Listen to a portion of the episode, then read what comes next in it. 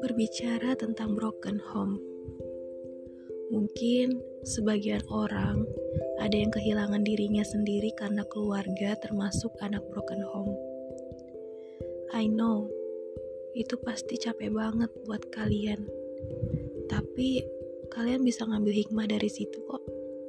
Kayak kalian belajar ngedewasain diri kalian biar ke depannya kalian lebih baik lagi tanpa lika-liku yang hadapin kalian. Capek wajar, it's okay. Tapi inget, kalian gak boleh nyerah sama keadaan maupun dunia. Tuhan udah ngasih skenario yang baik buat para hambanya.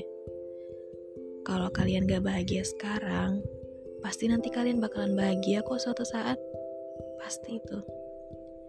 Gak boleh berlarut sedih-sedih ya. Sakit banget sih. Pasti tahu orang tua kalian sibuk banget sampai nggak bisa perhatiin kalian.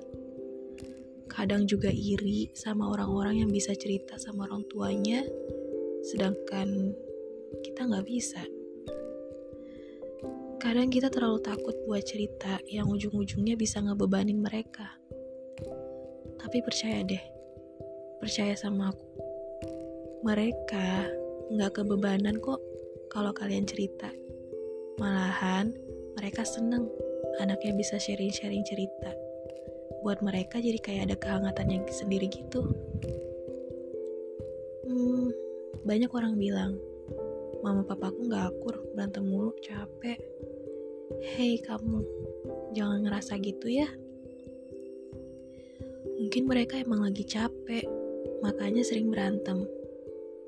Jangan ngerasa overthinking yang bikin malahan, yang bikin kalian nantinya itu sakit. Semua orang sama-sama sakit, cuma beda caranya aja. Jadi sekarang kalian harus bersyukur punya orang tua yang masih bisa ngasih kalian makan dan minum. Sekolah pun orang tua kalian masih mampu.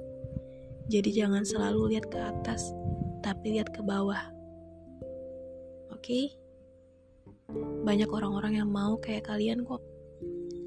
Harus banyakin bersyukur. Kalau pada dasarnya emang udah capek, kalian mending istirahat aja. Jangan kepikiran macam-macam yang ujung-ujungnya bikin kalian sakit. Semua punya waktu buat ngedewasain diri, dan semua punya jalan masing-masing buat bahagia. Jadi, meski orang tua nggak merhatiin kalian, bukan berarti orang tua kalian itu benci ataupun gak sayang ke kalian. Broken home itu sakit, dan aku juga ngerasain. Jadi, kalian itu gak sendiri. Masih ada aku yang mau dengar semua cerita kalian kalau kalian lagi nangis. Sini sama aku, kita cerita bareng, biar gak terlalu jenuh juga. Aku emang gak tahu masalah dan beban kamu itu seberat apa tapi aku mau bilang satu hal. Kamu hebat. Kamu hal terhebat yang pernah dunia kenal. Sekarang mungkin kamu emang lagi ada di bawah. Pasti capek banget kan? Kalau kamu capek, istirahat. Ingat istirahat. Istirahat sebentar, gak bakalan bikin kamu ketinggalan banyak hal kok. Aku yakin, kebahagiaan bakal dateng ke kamu entah kapan datangnya tapi pasti. Yang terpenting harus tetap sayang sama keluarga. Gina, gimana pun juga, mereka rumah kalian meski rusak. Jangan merasa mereka nggak sayang sama kamu. Intinya, harus always semangat, oke? Okay? Banyakin bersyukur itu kuncinya.